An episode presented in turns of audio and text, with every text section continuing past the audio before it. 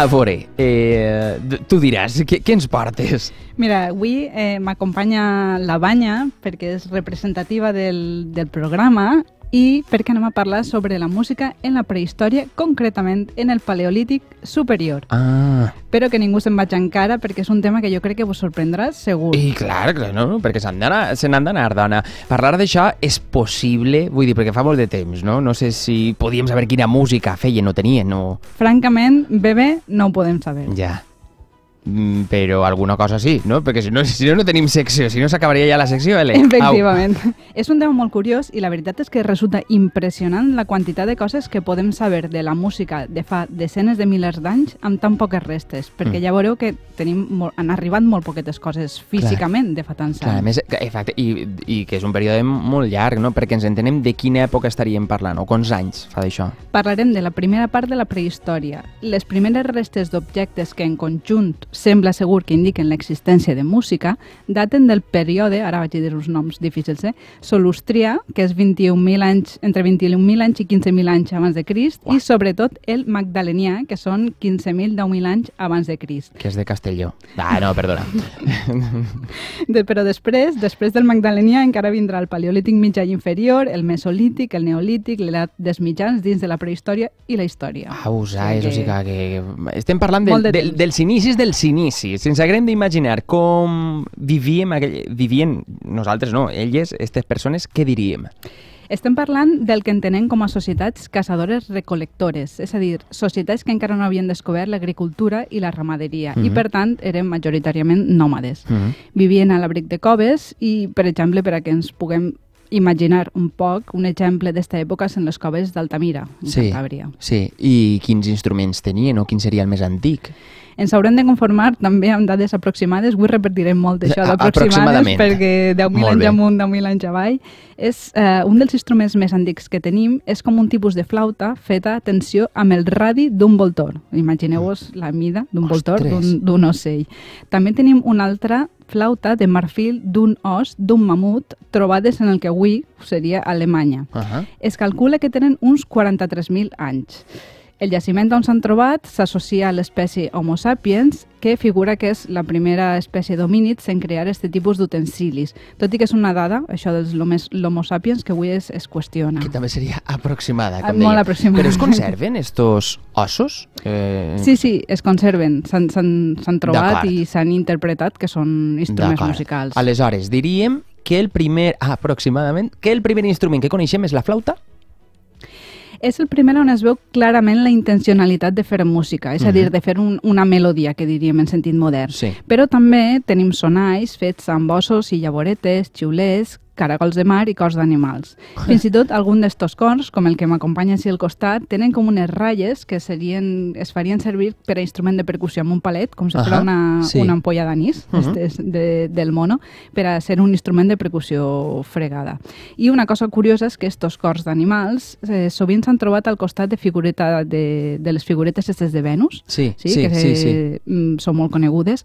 El que passa és que no se sap si és, um, fins ara s'ha dit que era un element simbòlic relacionat amb la fertilitat eh, o que elles tocaven. Els científics per ara diuen que, que és més simbòlic, però tampoc ho sabem Ah, cert. sí, la teoria que jo he donat no, eh, en la carrera en Història de l'Art és això, eh, la, la del símbol de la maternitat i tal. El que passa no. és que això des de la historiografia eh, Mm. feminista, Clar. aquestes interpretacions tan monolítiques s'estan posant un poc en dubte. Clar, però clar. per ara no podem saber res més. Clar, perquè els encarregats o encarregades de trobar i interpretar aquestes coses, qui, qui són?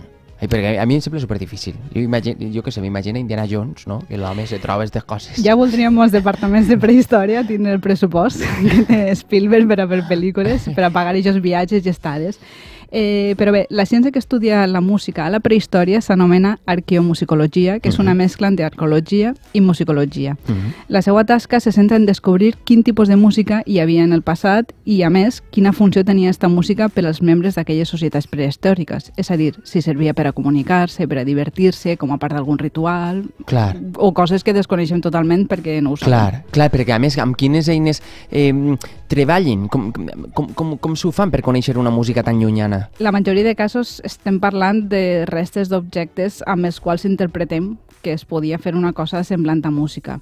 A més dels objectes en si, l'arqueomusicologia es preocupa també per saber on s'ha trobat aquest objecte. No és, no és igual eh, que un objecte musical poguera ser esta flauta, es troba en un aixovar funerari Clar. que que es troba en una cova. Implica usos o simbolismes diferents. I una cosa molt interessant també és eh, les representacions mm, de situacions musicals, com podrien ser les, les pintures o els gravats en les, en les parets, que, per Ah. exemple, ens han ensenyat gent, persones, inclús mm, persones amb caps d'animals que sembla que estan ballant. Ahà. I, I a veure, estos instruments que has mencionat, eh, com sonaven? Perquè algú s'haurà, no? tocant, tocant, els hauran... Eh, els instruments mateix no, però s'han fet eh, reproduccions perquè els instruments mateix correm el risc de que es trenquen Ah, ja. i s'ha s'ha pogut deduir que sonaria una cosa pareguda a esta.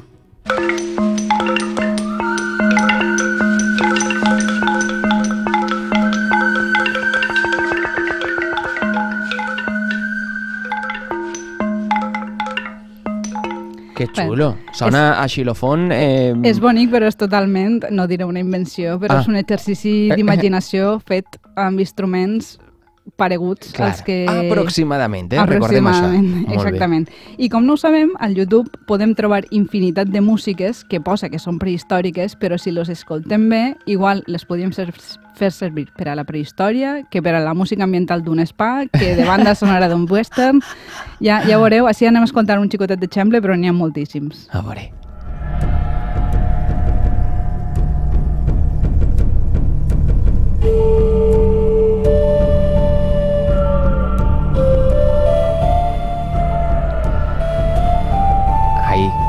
No, vull ser dolent, però saps que m'ha recordat? En els mercaders moltes vegades on, eh, eh, vull dir, estos eh, comerciants que venen de l'Amèrica del Sud que toquen unes flautes... Sí, les flautes de, de pan. Sí, sí. sí té, És té que un no sé aire molt bé, eh, Bolívia, no sé on ubicar-los geogràficament, però m'ha Sí, sí, recordat sí. això. A mi em recorda també a, a indis americans que, com que Sí, no? baixen de, de l'oest. Bueno, d'estos vídeos n'hi ha bons i depenent del que, dels que poseu trobareu mamuts, dinosaures, coves, Mm. més o menys aigüeta sonant de fons, tronades, cabanes... És, de, és de veres que sona, com, sona agradable, no?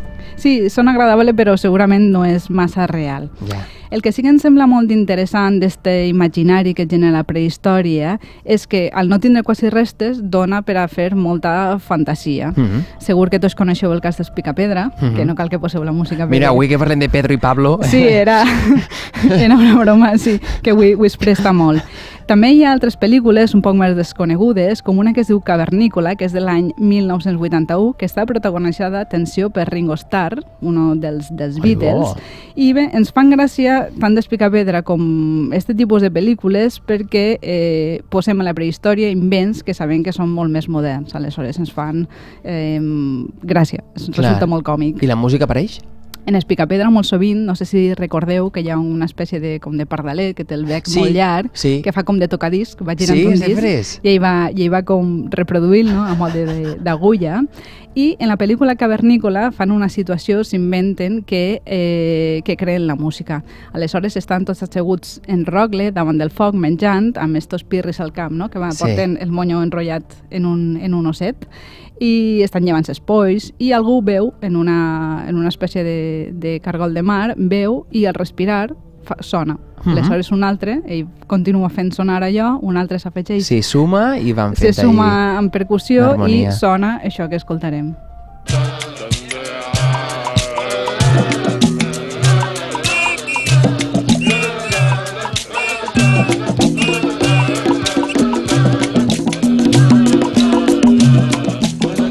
Ser un, un, una bona orquestra, sí, eh? clar. Con la pel·lícula és de l'any 81, la música sona com a, a música d'eixa època amb un fons com tropical, no?, per Sí. baix. La pel·lícula és absolutament prescindible de la vostra filmografia, en la Ja. meva opinió, però sí que ens ajuda a, a veure la manera en què mirem la música del passat, que la majoria de vegades ens ensenya més coses, ja ho hem dit moltes vegades, de nosaltres, que no, que no deixa passat. I tant, font inesgotable de, de referències. Aleshores, què hauríem de tindre en compte per a tractar d'imaginar realment la música de la prehistòria?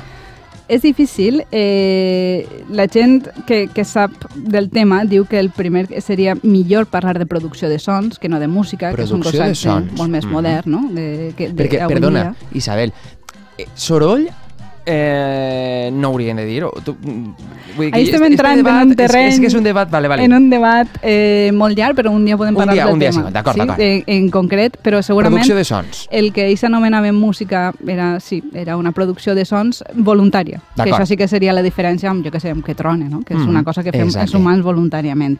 I a més haurien de tindre en compte molts més fenòmens que no sabem, no? com cantar, això no ho podem saber, com Mhm. tocar palmes tampoc ho podem saber, i el ball, no? que també ens l'hem d'imaginar. Mm I aleshores eh, arribarà algun dia que podrem saber coses ja concretes, específiques. Probablement, en poc de temps la tecnologia ha evolucionat molt i ara comptem amb aparells molt precisos que ens permeten saber infinitat de coses més.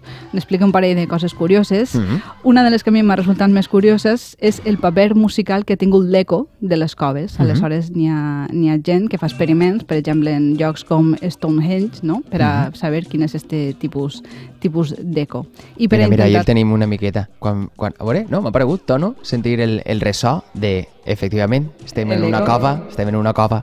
Sí, d'ací també s'han fet moltes, moltes interpretacions, algunes també molt arriscades.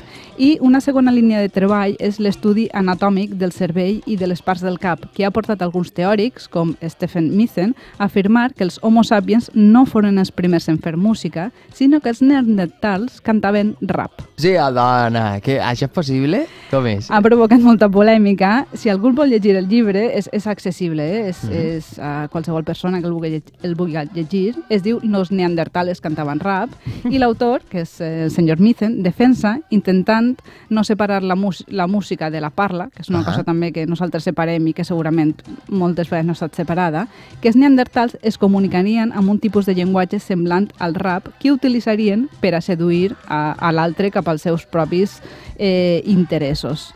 Eh, així que si us voleu animar a llegir-lo... Sí, sí, sí, té, té això... a Resulta exòtic, almenys. Ens quedem en la recomanació. Isabel, Sí, i els sembla? Picapedra també, I els Picapedra també, els Picapedra també. Gràcies, Isabel Gràcies Ferrer, a musicòloga. Fins la setmana que ve.